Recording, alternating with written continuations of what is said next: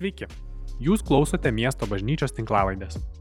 Meldžiame Dievo, kad Jis kalbėtų jums per šį pamokslą. Sveiki, mes tęsėme pamokslų ciklą ir šiandien jau yra e, finišo tiesioji, dabar baigsim kalbėti apie maldą, bet tikiuosi, kad mokysimės apie maldą ir toliau, kad neapsiribosim tik tais pamokslais, girdėjimu, nes apskritai maldos praktika yra vienintelis būdas mums išmokti melstis. Galim tikrai daug kalbėti apie bėgimą, bet jei nepradėsi bėgioti, tu bėgti neišmoksti. Tas pats yra su malda. Galim tikrai kalbėti, reikia kalbėti apie tai, kas yra malda, kad pažintume tėvą, kad pažintumėm save ir išmoktumėm melstis, bet tai galim padaryti tik tais praktikuodami. Todėl mano raginimas yra, kad um, viešpats um, na, toliau mus ragintų, jisai ragina, bet kad mes atsigręžtume į jo kvietimus ir artėtume prie jo maldoje. Šiandien noriu užbaigti šį ciklą truputį tęsdamas tą temą, ką Tomas kalbėjo praeitą savaitę apie priešinimąsi piktajam ir kad malda yra ir kovos laukas ir apie mūsų širdžių klusnumą. Ir, na, kiekvienoje maldoje yra tokios trys dalys, apie kurias mes kartais užmirštam. Viena tai savaime suprantama, kai mes melžiamės, dalyvaujame maldoje mes patys.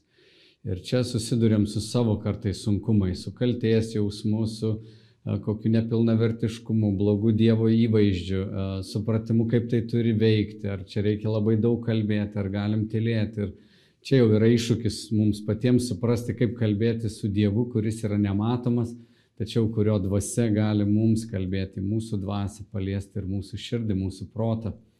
Kita dalis yra pats Dievas kuris yra tobulas ir mums labai svarbu pažinti tokį, koks jis yra, o ne kaip mes įsivaizduojam, ar net ne tai, kaip išgirdom iš kitų apie jį, bet pažintume jį. Na ir trečioji dalis, apie kurią turbūt labai lengva irgi užmiršti, yra, kad mes turime ir priešininką, kuris visada priešinsis maldai, kurio intencija yra apskritai priešintis Dievo valiai ir greuti viską, ką Dievas daro kai tuo tarpu Jėzus atėjo į šitą žemę greuti šetono darbų arba velnio darbų ir mes esam bendradarbiai. Aš apie tai kalbėjau, kad bažnyčia yra duota valdžia surišti dalykus žemėje, kurie yra suplanuoti surišti danguje. Ir mes turime Jėzaus vardo galę, kuris yra aukščiau visų kitų vardų. Ir mums reikia šitą dėmenį, tą piktojo dėmenį irgi visada turėti omenyje kad mes galėtumėm mėgautis malda, kad galėtumėm vykdyti Dievo darbus. Viena ištrauka, kurią šiandien noriu aptarti su jumis, yra Luko Evangelijos 18 skyrius. E, perskaitysiu šią ištrauką ir po to pakomentuosiu. Tik prieš skaitydamas noriu pasakyti, kad Biblija apskritai turėtų būti bendruomenėje skaitoma. Biblija nuo pat pradžių, kada jinai buvo užrašyta, kada Mozė rašė penkiaknygę, jinai buvo su tokia intencija rašoma, kad visas susirinkimas kartu skaitytų arba kažkas skaitytų ir ją klausytų. Tai, kad šiandien mes turim savo rankose popierinės Biblijas ir galim vieni namuose atsisėsti, tai yra jau mūsų toks kultūros dalykas, ką mes esame įpratę galbūt daryti ir kartais galvojam, kad tai yra pagrindinis toks dalykas, turiu vienas namuose ryte pasimelsti ir paskaityti, bet e, tūkstantmečius buvo visiškai priešinga. Biblija buvo suplanuota, kad ji būtų skaitoma bendruomenėje ir visi klausydavosi. Kartais skaitimas užtrukdavo 20 valandų, tarkim, Ezra ar Nemijas, mes žinome iš šventojo rašto, jie surinko visą surinkimą ir visą dieną nuo ryto iki vakaro buvo neaiškinamas raštas, o tiesiog skaitomas ištisai. Tai manau, tai yra viena iš tų senųjų praktikų, kurią mums reiktų irgi gaivinti. Taigi dabar paklausykime Dievo žodžio. E, Luko Evangelija 18 skyrius nuo pirmos eilutės. Jėzus pasakė jiems palyginimą, kaip reikia visuomet melstis ir nepaliauti Jis pradėjo, Viename mieste gyveno teisėjas, kuris nebijojo Dievo ir nesidrovėjo žmonių. Tame pačiame mieste gyveno ir našlė, kuri vis eidavo pas jį ir prašydavo, apgink mane nuo skriaudiko. Jis ilgai spyrėsi, bet pagaliau tarė savo, nors aš Dievo nebijau, nei žmonių nesidroviu, vis dėlto, kai šita našlė tokia įkyri, imsiu ir apginsiu jos teises kad ko gero ji manęs neapkultų. Ir viešpats pridūrė, įsidėmėkite, ką pasakė tas nesažiningas teisėjas. Tad nejaugi Dievas neapgintų teisių savo išrinktųjų, kurie jo šaukėsi per dienas ir naktis ir dėlstų jiems padėti. Aš sakau jums, netrukus jis apgins jų teises, bet ar atėjęs žmogaus sunus bėra žemėje tikėjimą. Tai yra Dievo žodis. Taigi šiame palyginime mes matome tris asmenis. Mes matome teisėją, matome našlę ir matome skriaudiką. Kai skaitome, tai tai dėmesys mūsų turbūt labiausiai krypsta į teisėją, ką jisai pasakė, taip pat į našlės um, atkaklumą, norą melsis ir tą prašyti, maldauti kad jos teisės būtų apgintas. Bet turbūt pagrindinis veikėjas čia yra skriaudikas. Jis yra viso šito bendravimo priežastis. Ir apie tai mums šiandien verta būtų pašnekėti. Pradėkim nuo teisėjo. Na, teisėjas, žinoma, čia yra mm, nesažiningas, Dievo nebijantis žmonių, nei, nei, nei žmonių, nei Dievo nebijantis žmogus. Nesažiningas teisėjas. Jėzus jį lygina su Dievu. Jis nori kaip tik pabrėžti, koks yra Dievas geras. Jeigu nesažiningas teisėjas kažką padarė uh, gero dėl tos našlės, bijodamas, kad jį jo neapkultų, tai kaip labiau Dievas. Tai čia mes turim na, tokį teisėjo paveikslą, kuris nėra labai idealus, bet jo elgesys visgi pas, na, atsakė šitos našlės poreikį. Ir Jėzus lygina nedorą teisėją, kuris padaro kažką gerą dėl našlės, sakydamas, kad Dievas yra dar geresnis. Dievas, kaipgi jis neapgins tų, kurie eis pas jį ir maldaus jo dieną ir naktį. Taigi teisėjas, jis turi visą valdžią. Na, tuo metu galima buvo manyti, kad teisėjas apskritai buvo tame mieste kaip ir aukščiausia valdžia žydų tautoje net buvo istorinis momentas, kada teisėjas buvo, na, tarsi prezidentas arba, arba karalius, kai dar žydai neturėjo karaliaus. Taigi teisėjas yra valdytojas. Ir mes žinome iš Naujojo Testamento, ką Paštalas Paulius rašo, kad Jėzaus vardas yra aukščiau visų kitų vardų. Jis yra tas, kuris nuginklavo kunigaikštystės ir valdžias, viešai jas pažemindamas, jame švesdamas pergalę prieš jas. Tai Taigi Kristus turi aukščiausią valdžią ir jis yra na, tas, kuris gali nuspręsti, kas vyks e, šiame pasaulyje. Tačiau laikas, kuriame mes esame, taip kaip ir teisėjo atveju, teisėjas nėra dar tos valdžios, na, vykdytojas, arba kaip pasakyti, jis nėra ir policijos pajėgos, kurios prižiūrėtų tvarką teisėjas yra tas, kuris įvykdo galiausiai teismą. Bet šetonas šiandien, na, jis yra kaip tas, kuris uzurpavo valdžią ir jis šiame pasaulyje irgi viešpatauja su Dievo priežiūra. Virš jo yra Dievas, bet šetonas irgi viešpatauja. Štai Jono Evangelijoje 14.30 pasakyta, ateina šio pasaulio kunigaikštis. Jėzus taip kalba apie šetoną, apie irgi dvasinė būtybė, kuri turi galę, išminti, patirti, didelį žinojimą, didelę galę ir jis yra pavadintas šio pasaulio kunigaikščiu. Jonas taip pat savo pirmame laiške sako, mes žinome, jog esame iš Dievo, o visas pasaulis yra piktojo pavergtas.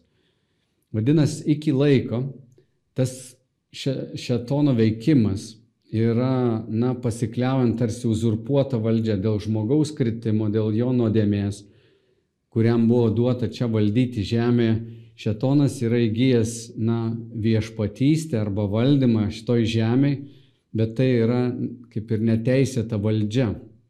Galiausiai jis turės atsiskaityti ir būti nuteistas. Bet šiandien mes esam, na, tokioje aplinkoje. Yra Dievas, kuris yra visa valdys, visa žinantis, visa galintis ir galiausiai tas, kuris įvykdys visą teismą, bet šetono veikimas yra akivaizdus šiame pasaulyje.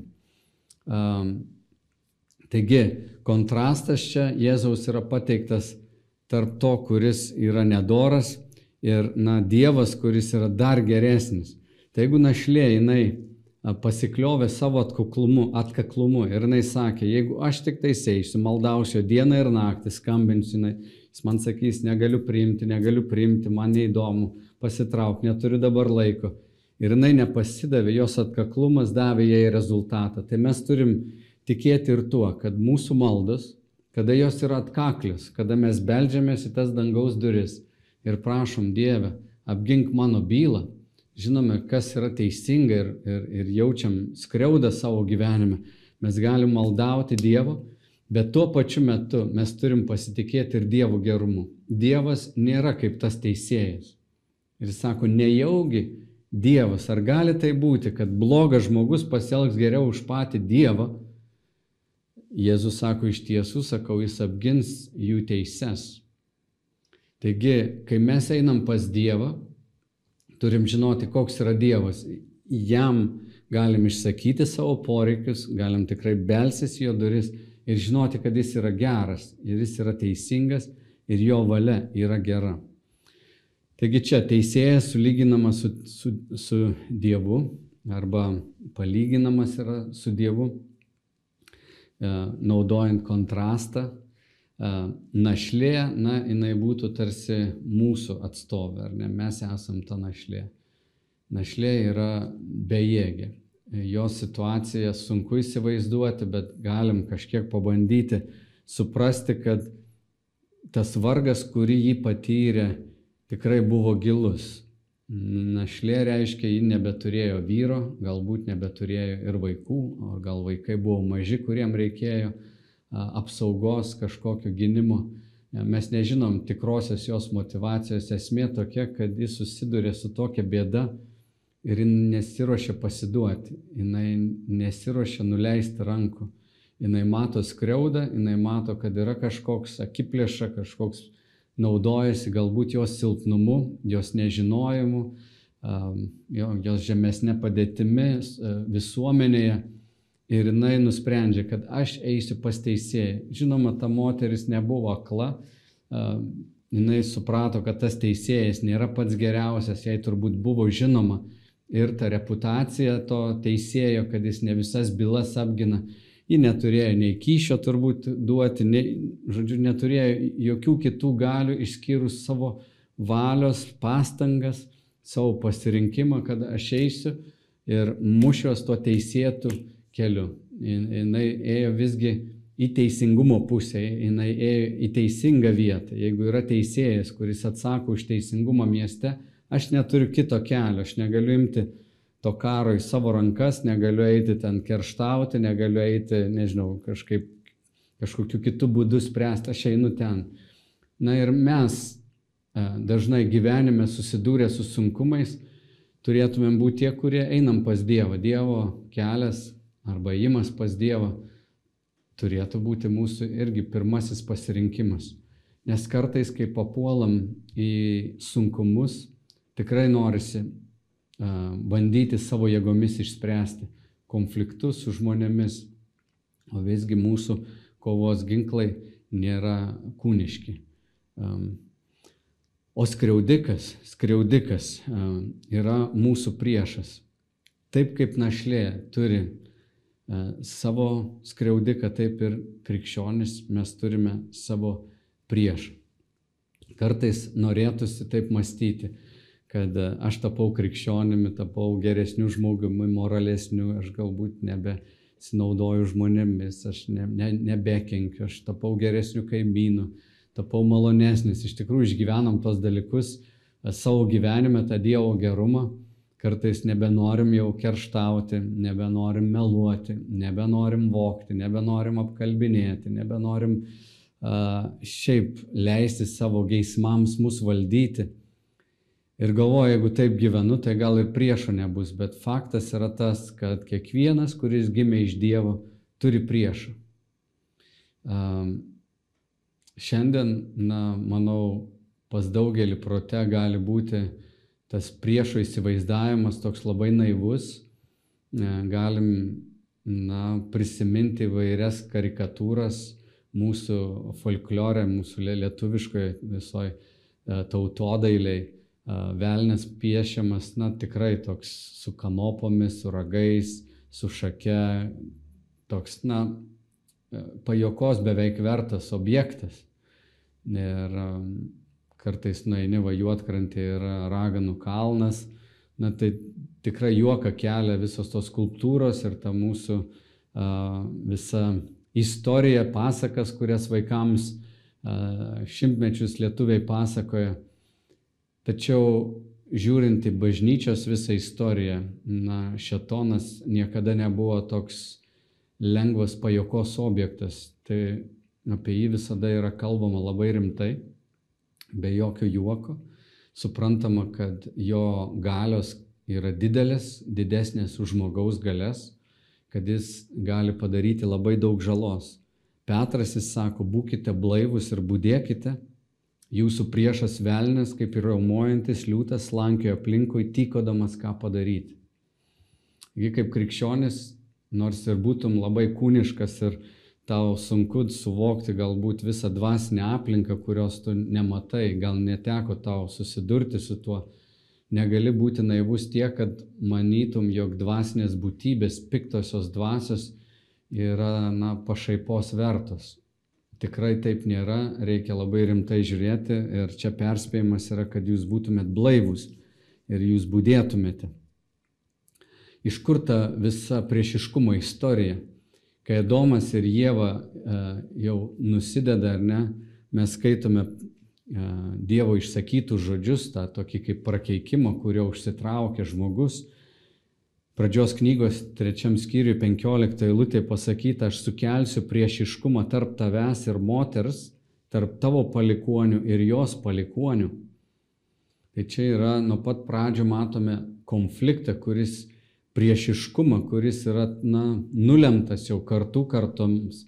Ir, ir kiekvienas, kuris ateina pas Dievą, jis turi būdėti ir būti budrus, suprasti, kad mes esame kovos laukia, kad yra priešas, kuriam tu gal nieko blogo nepadarėjai, bet jis nori tave sunaikinti, jis nori tave nuvesti nuo Dievo, galiausiai norėtų įvesti tave į tokį laimingą kelią, kur tu gyveni savo valia, vykdai savo norus ir esi nutolęs nuo Dievo savo pasirinkimais.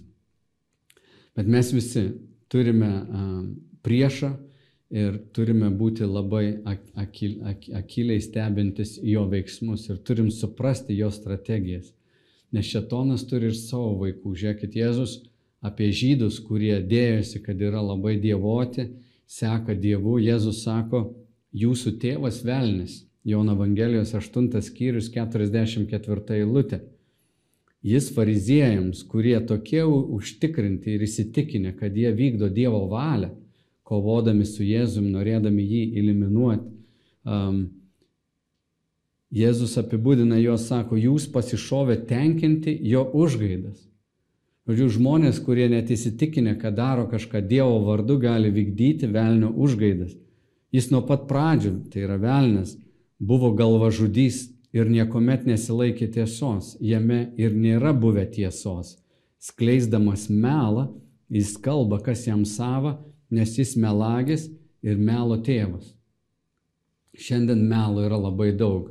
Šiandien net juokiamės, sakom, kad ar liko tiesa visur, netgi naujienos yra fake news, žmonės meluoja ir daro tai drąsiai. Ir mes turim būti labai budrus, kad e, žiūrėdami kažką, stebėdami, suprastum, jog už viso to yra melo tėvas. Melas yra gimtoji velnio kalba. Tiesa jam yra nepažįstama kalba. Jis iš tiesų negali gyventi tiesoje, nes tiesa yra šviesa.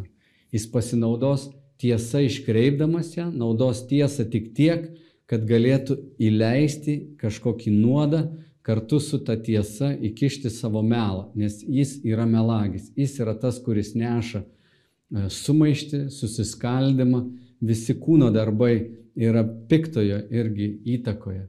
Taigi, kai matai kažkokią nesantaiką, puikybę, pavydą, žinok, kad už viso to stovi irgi piktosios dvasios, kurios kariauja su mumis, kariauja su šventaisiais, kariauja ir apskritai su žmonija. Tik žmonija, kuri nepažįsta Dievo, gali būti jo pavergti ir dažnai net nesuprasti, kad kažką daro ne taip. Taigi jis yra iš tiesų gudrus, jis turi savo kėslus, aiškės strategijas ir manau, kad apie na, dvasinę kovą mums reiktų atskiro tokio pamokslo ciklo. Bet galim šventame rašte matyti štai, ką gali padaryti velnės, ar ne? Jis gali susilpninti mūsų kūnus ir nuvarginti. Paštalų darbų 10 skyrius 38 eilutė. Mes žinom, kad jis gali sukelti fizinės negalės arba nuovargį. Jis gali įkvėpti šio pasaulio žmonės pradėti mus persekioti. Neapykanta tikintiesiems gali būti paties velnio inicijuota. Čia praaiškimo 20. Jis gali nešti bet kokius nesusiskaldimus, nesutarimus tarp brolių, nes vienas iš jo vardų yra brolių kaltintojas. Jis gali taip pat uždaryti finansinį aprūpinimą. Jis yra tas, kuris gali suorkestruoti taip aplinkybės ir kovoti prieš, prieš šventuosius. Gali sukelti nerimą, depresiją, liūdėsi. Jis gali atakuoti nešvariomis mintis, susilpninti mūsų ryštą priešintis. Taigi mums labai svarbu suprasti, kad ne viskas, kas įvyksta natūralioje aplinkoje, mums suprantamoj, matomoj tokioje aplinkoje, yra natūralu. Tai gali turėti dvasinės šaknis arba tai gali būti dvasinis šaltinis. Šiuo metu studijuoju Evagrijaus e, Pontiečio knygą antiretikos. Antiretikos reiškia kalbėjimą prieš. Evagrijus buvo na, trečios kartos dikumos tėvų Antano. Antanas Paduvietis buvo vienas iš tų bažnyčios ar dikumos tėvų. Tai jis yra jau ta trečioji karta, jis gyveno 355-99 metais. Tai, tai Evagrijus buvo žinomas dėl savo gilių išvalgų, jis buvo laikomas kaip ir toks dvasinis mokytojas jis buvo, bet ir kaip ankstyvosios psichologijos meistras, kuris nagrinėjo, kas vyksta žmoguje, apie minčių pasaulį. Jis parašęs yra tą knygą Antiretikos ir jos pagrindinė mintis yra tokia, kad kiekviena mintis, kuri ateina iš išorės, tarkim, demoniška mintis gali būti atstumta arba su ją galim kovoti, pateikiant šventojo rašto ištraukas. Ir jo knyga yra tiesiog 500 atvejų e, surašyti, kokiais, kokiomis švento rašto eilutėmis, kokiais žodžiais mes galim pasipriešinti piktajam. Jis yra tas, kuris suskirstė na, nuodėmės į tokias kategorijas Ir tos septynios didžiosios nuodėmės ar mirtinos nuodėmės tai yra irgi Evagrijaus darbas, kuris yra labai naudingas mums dvasinėje kovoje. Bet jis na, įvardė tai, kad yra mintis, kurios nėra natūralios, kurios nekyla tiesiog iš tavęs. Tai yra mintis, kurios nori būti mastomos, jos turi savo svorį, savo jėgą. Kartais jos įeina į mūsų galvą Jeigu mes nebūsim budrus, galim priimti tai kaip savo mintis. Bet jeigu tai mintis, kuri prieštarauja Dievo žodžiui, tai tavo pozityvaus mąstymo neužteks, kad nusikratyti jų. Tau reikės Dievo žodžio, kuris būtų tavo būdas kalbėti prieš. Antiretikos arba retorika, ar ne yra kalbos toks menas. Tai antiretika reiškia kalbėjimas prieš šetoną. Ir tai nėra na, toks paprastas užsiemimas, kur mes taip labai lengvai paimtumėm ir atskirtumėm tas mintis, mums tikrai reikalingas Dievo žodžio pažinimas. Visi, kurie esate jauni tikėjime, aš jūs raginu skaityti šventą įraštą, pradėti galbūt nuo Naujojo Testamento ir perskaityti jį ne vieną, ne du, ne, ne, ne tris kartus, bet daug kartų. Tai yra mokslas, kuris užtruks visą gyvenimą, nes tai yra meditacinė literatūra, išminties literatūra, į pareikalaus laiko ir tam, kad tu laimėtum kovas, tau reikia gerai žinoti Dievo žodį. Taigi, velnės jis gali šaudyti strėlėmis, gali ateiti mintis, kurių tu natūraliu būdu net neišvarysi iš savo galvos. Aš prieš keletą dienų turėjau tokį įvykį, mane pradėjo kamuoti mintis ir aš nesusivokiau iš karto, kad tai nėra mano mintis. Aš kaip įsileidau į tą pokalbį ir tai jau yra toks pralaimėjimo kelias, kada pradedi diskusiją su tomis mintimis, kurios atėjo iš piktojo. Bet jos mane gan ilgai vargino, šiaip vargino keletą, galbūt net savaičių, kol galiausiai maldoje aš atpažinau, kad tai yra iš piktojo ir aš pasakiau visiškai, na, priešingus žodžius uh, iš šventojo rašto, kaip priešingybė tom mintim, kurios atėjo į mano galvą, kai aš juos ištariau. Įdomus dalykas, prote iškart nustojo tokia tyla. Jeigu ten mintis jos tiesiog sukosi, sukosi, sukosi, jos vis pareina vienu kampu, kitu kampu ir aš bandau ale diskutuoti ir, ir taip galvoju, ir taip galvoju, bet protas tiesiog vargsta, jisai sukas ir manėjo to sustabdyti. Kol aš net pažinau, kad tai yra iš priešo, pasakiau Jėzaus Kristaus vardu, aš skelbiu Dievo žodį, kuris sako tai, tai ir tai. Ir tada tos mintis dingo ir aš laukiu mintyse visiška tyla. Priešas buvo atpažintas, jis pasitraukė. Taigi mes visi turime priešą, kuris mūsų atakuos ir kai mes eisim į maldą, gali būti užtikrintas, kad piktasis jis maldoje tau priešinsis.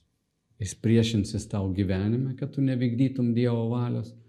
Jis gali tau suteikti minčių, kurios drąsins tave ir teisins bet kokį tavo pasirinkimą, kuris tau atrodo geras, bet gali eiti prieš Dievo valią.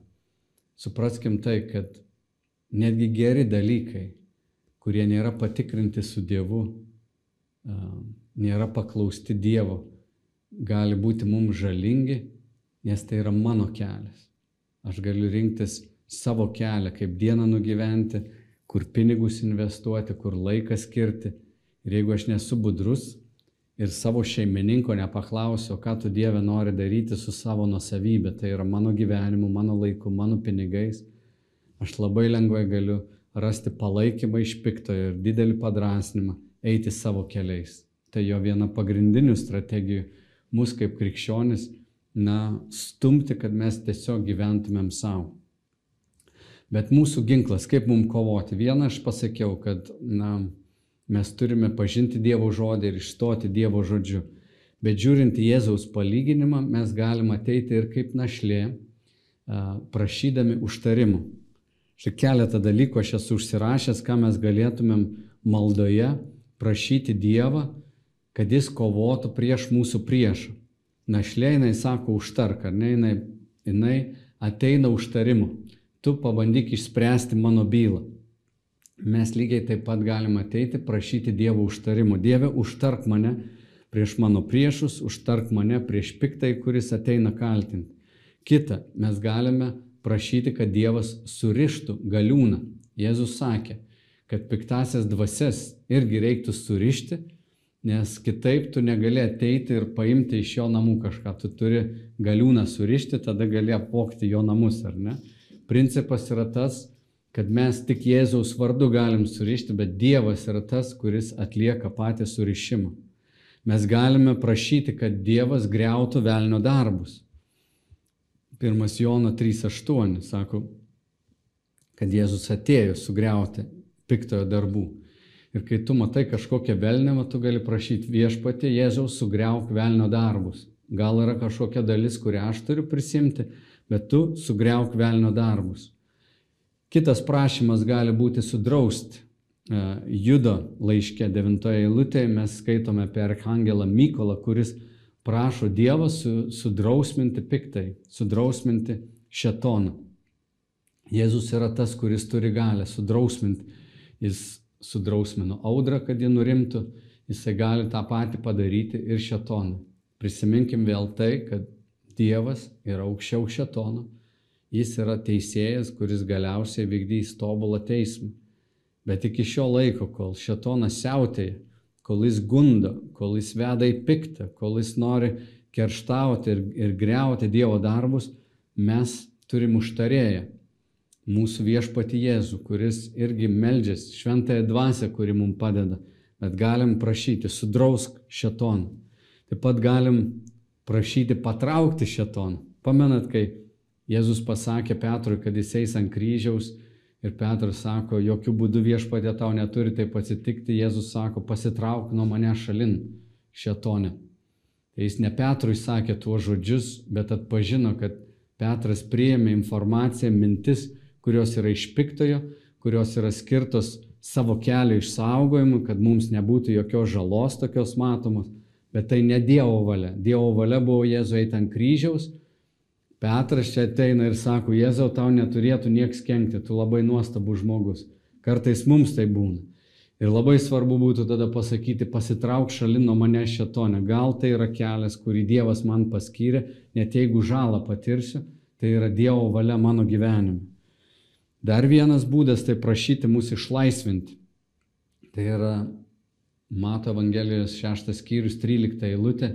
Jėzus tėvom, tėvė mūsų toje maldoje sako, ir neleisk mūsų gundyti, bet gelbėk mus nuo pikto. Mes galim prašyti to išgelbėjimo, išlaisvinimo nuo pikto. Um, taigi, kiek mums reikia melsis? Praeitą savaitę Tomas sakė, melskimės daugiau, melskimės ilgiau. Ir iš tiesų maldų prieš piktai, prieš jo darbus niekada nebus per daug. Čia net Jėzus tame palyginime sako, tad nejaugi Dievas neapgintų teisių savo išrinktųjų, kurie jo šaukėsi per dienas ir naktis. Jėzus turi omeny, kad tos maldos, kai kurios maldos galbūt nebus atsakytos taip greitai, bet reikės tau ir ryte melstis, reikės ir vakare, galbūt ir naktį pasimelsti, nes mūsų priešas yra toks, jis nepasitraukia. Apreiškimo 12.10 sako, Jonas užrašęs, aš girdėjau danguje galingą balsą sakantį, dabar atėjo mūsų Dievo išganimas, galybė, karalystė ir jo mesijo valdžia, nes išmestas mūsų brolių kaltintojas, skundęs juos mūsų Dievui dieną ir naktį. Taigi brolių kaltintojas Šetonas, jis ateina ir skundžia mus Dievui, kaltina mus Dievui, neša įvairiausius įrodymus. Taip kaip ir Jobo atveju mes matom, kad vyksta toks pokalbis. Ir šetonas jis nori kaltinti, jis nori mus engti ir daro tai dieną ir naktį. Jis nenustoja, jo kovos nesibaigia. Ir aš sakau, kad mūsų atostogos bus trečią dieną po mirties, kai praeis prikelimo iš numirusiųjų laikas. Žodžiu, mes tada galėsim pailsėti, bet iki to laiko mes esame um, kovos laukia. Na, tokios maldos tikrai nėra lengvos. Aš noriu tuo ir užbaigti Jėzaus šitai žodžiais, kuris užduoda tokį klausimą. Bet ar atėjęs žmogaus sunus beras žemėje tikėjimą? Ir tai yra klausimas mums visiems. Ar jis beras tikėjimą? ar mes būsim tie, kurie melžiamės, kurie kovojam, kurie sprendžiam klausimus Dievo teismo salėje, ar mes eisim patys kovoti, ar mes spręsim na, savo gyvenimo sunkumus tiesiog savo jėgomis. Kai kuriems labai dar noriu pasakyti, kad kai tu ateini melsis ir tave užpuola kažkoks toks spaudimas, slėgis, neprimk visada to tik ant savęs, negalvok, na, aš jaučiuosi tai blogai, jaučiuosi nevertas. Daug tų minčių tikrai nėra iš tavęs. Pavyzdžiui, jausmas, kad aš nevertas, aš nusidėjau galbūt, aš ne, ne, ne, nesu vertas, kad pakelčiau akis į tave Dievę. Tokios mintis gali būti išpikta ir tau čia irgi reikia pakovoti. Nuo kada tavo, mano vertumas buvo mūsų geri darbai? Nuo kada ateimas pas Jėzų buvo mūsų, na, nusiprausimo ir tokio gražaus moralinio gyvenimo e, esmė. Ne. Mūsų prieimas pas tėvą yra Jėzaus teisumu. Ir tai niekada nepasikeis, ar tu nugyvensi dieną nieko nenusidėjęs, ar tu penkis kartus nusidėsi per tą dieną ir paprašysi atleidimo. Maldoje eidami, kad mūsų bylos būtų apgintos, kad Dievo valia įvyktų, kad mes galėtumėm greuti velnio darbus, visada susilauks pasipriešinimo. Taigi labai norisi drąsinti, kad kai tu atsiklaupsi melstis ir tau mintis lakstys, supras, kad tu papuoliai į kovos lauką. Tai yra viena tų sričių, kuri tikrai be kovos nepasiduos tau. Ir nesusiversk visai, aš tinginys, aš pavargęs, ai čia tas ir tas.